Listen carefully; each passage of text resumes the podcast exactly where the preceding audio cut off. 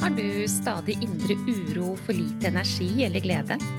Ønsker du kartet for endring i dette? Hver episode er dedikert til å gi deg gullnøkler for livsglede og ro. Du får strategier og innspill som hjelper deg fra nedstemt til oppstemt og fra uro til ro. Vil du ha en gratis oppskrift for å lage deg gode dager? Gå til www.gayabalanse.no for din herlige morgenrutine. I denne episoden så vil jeg igjen rette lyset mot våre etablerte troer og sannheter. Og belyse hvordan disse kan være kilde til frarøvelse av glede og skape enorme mengder stress. Bli med meg gjennom denne episoden for læring og innsikt til bruk også for deg i ditt liv.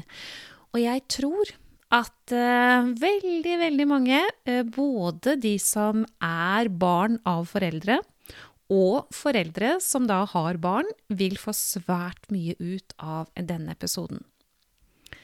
Britt hun var veldig lei seg fordi hennes datter ringte aldri tilbake når Britt ringte. Britt ringte og ringte og ringte, og hun trodde at grunnen til at datteren ikke ringte tilbake, det var at datteren ikke ville ha kontakt. Britt følte seg avvist, følte at datteren ikke brød seg om henne, var helt sikker på at eh, datter ikke ville ha kontakt, men eh, jeg lurer på om ikke dette her egentlig har en annen sannhet.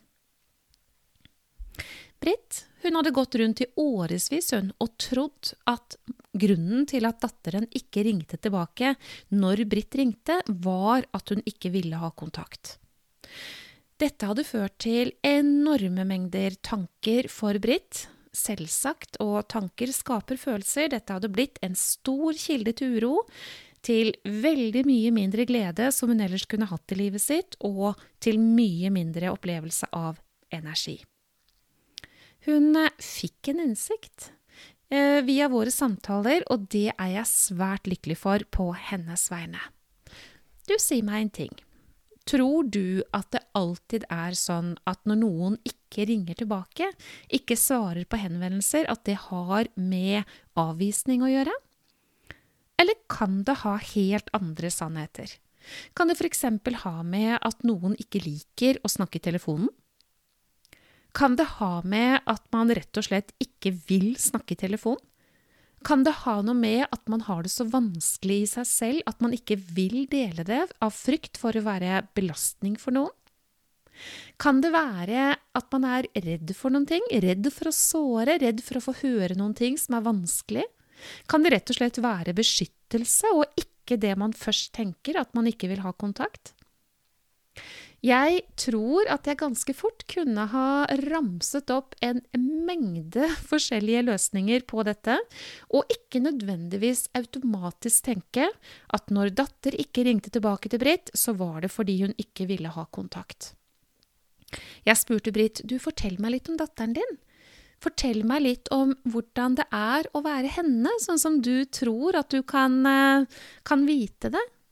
Og Britt hun la i vei da med utdannelse, vet du, og barn og jobb og alt hva det var datter var opptatt av, og alt hva det var hun mente og syntes og tenkte og alt det der, og jeg vet ikke hvor mange ganger jeg sa til Britt at er du tankeleser egentlig? Vet du egentlig hva datteren din tenker? Et lite sidespor til det her, men det skal vi være litt oppmerksom på, vi vet ikke det. Men når jeg lyttet til det livet som Britt så at datteren hadde, så kunne jeg jo enkelt ut fra det bare si til Britt at men du, har du tenkt på at datteren din er kjempesliten når kvelden kommer? At hun egentlig ikke orker å dele noe som helst med noen når kvelden kommer og du egentlig ønsker at hun skal ringe? Og det hadde ikke Britt tenkt på, fordi Britt hun hadde kun en følelse av at hun ikke var viktig for datteren sin lenger, at datteren ikke ville ha kontakt, at hun ikke ville dele noe med livet sitt, osv., osv. Men hun fortalte om et liv som var svært hektisk. Hun fortalte om en kvinne med karriere, med masse overtidsarbeid, med tre små barn, osv., osv. Det er sånn at når det gjelder foreldre og barn, så vil det alltid være sånn at forelder er kapteinen på båten, og barnet er den som jobber på dekk. Se for deg det bildet, eller forestill deg det. Det er eh, den som jobber på dekk, og så er det kapteinen. Sånn vil det alltid være. Det vil si at hvis kapteinen gir noe til den på dekk, så betyr ikke det nødvendigvis at den på dekk skal gi noe tilbake til kapteinen. Hvem er det som eier ansvaret? Hvem er det som skal gi her? Hvem er det som skal gi det som gjør at den på dekk fungerer? Eller eh, hvilket ansvar har den på dekk for kapteinen? Veldig mange jeg møter, inkludert eh, vakre Britt, da, hun hadde en formening om at når datter nå var blitt voksen, at det var en jevnbyrdig relasjon de to imellom. At når Britt hadde ringt, så måtte datter ringe tilbake, og når Britt gjorde sånn, så måtte datter gi tilbake, og når Britt sa ditt, så måtte datter trøste, og når Britt gjorde sånn, så skulle datter vise oppmerksomhet, og når Britt mente ditt, så var det sånn og datt, og så videre. Jeg er ikke så sikker på det. Jeg tror at det er veldig lurt å ha det hele tiden klart for seg at hovedansvaret i den relasjonen, den går fra kapteinen og til den som jobber på dekk. Og det er klart at hvis man vil ha en god relasjon mellom kaptein og dekksgutten eh, eller jenta, så må man hele tiden sørge for at det er det som blir lagt til rette for. Jeg spurte Britt men hvordan er du egentlig mot datteren din når du endelig får snakke med henne, da?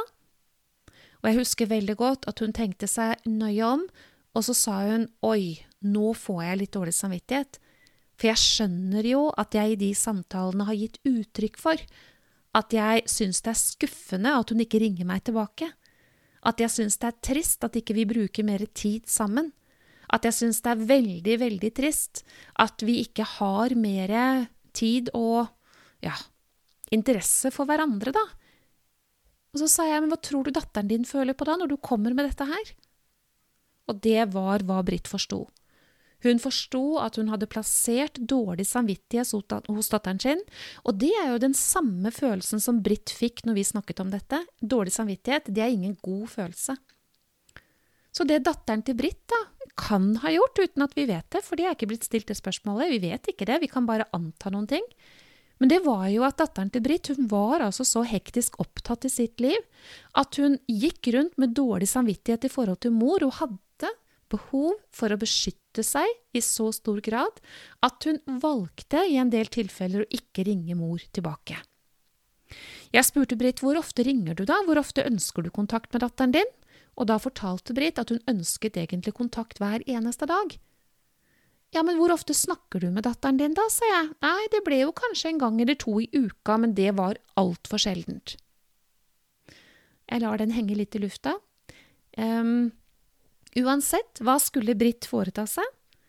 Jo, hun bestemte seg for å ta en samtale med datteren sin, hvor hun ga til uttrykk at hun ikke hadde noen forventninger, at hun var lei seg for om hun hadde virket masete, og at hun hadde hatt forventninger, og at de sammen kunne finne en løsning på hvor mye kontakt de skulle ha, og hun ville også spørre datteren sin hva trenger du av meg? Hva ønsker du av meg, hva er det jeg kan by deg på for at vi skal ha en god relasjon? Og der tok hun kapteinrollen og ansvaret. Det var nydelig for Britt å erfare at via sin nye innsikt så kunne hun både forstå og se noe som hun først ikke hadde hatt kontakt med.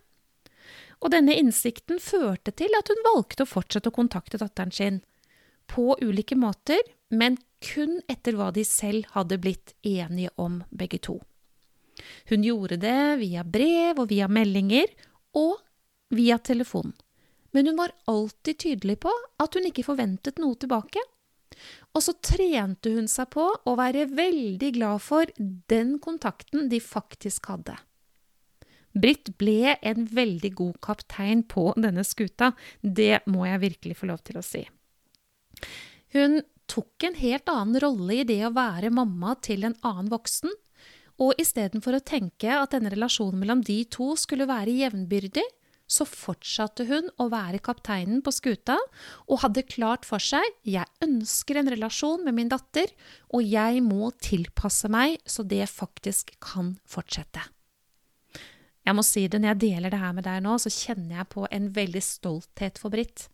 Og det hadde aldri skjedd dette her med mindre Britt hadde forstått at det var en endring som måtte til, og at den endringen måtte komme fra henne selv.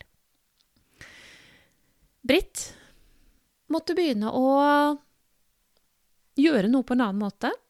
Og hun ble også klar over at all denne skuffelsen og alt dette stresset som dette, denne relasjonen tidligere hadde ført til, hadde gjort at hun ikke hadde det så bra, og det var også årsaken til en del ubalanse i kropp og, og sinnet hennes.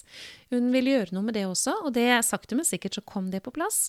Jeg anbefalte Britt å ta imot gaven, den gratis gaven jeg også har laget til deg, som heter Din herlige morgenrutine. Og jeg glemmer ikke da Britt etter ca. 14 dager tok kontakt med meg og sa tusen, tusen takk, for det er fantastisk å skape dagene til det beste, og at din herlige morgenrutine hadde fått lov til å bli med henne gjennom dagene.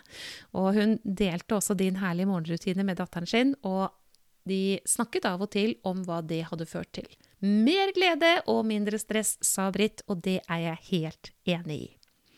Din herlige morgenrutine er en gratis gave også til deg. Du finner den på www.gayabalanse.no. Og jeg gjentar og gjentar i alle episodene akkurat til deg, for jeg vil så gjerne at du skal ta den imot. en fantastisk start på dagen, fordi du er verdifull. Kjære deg.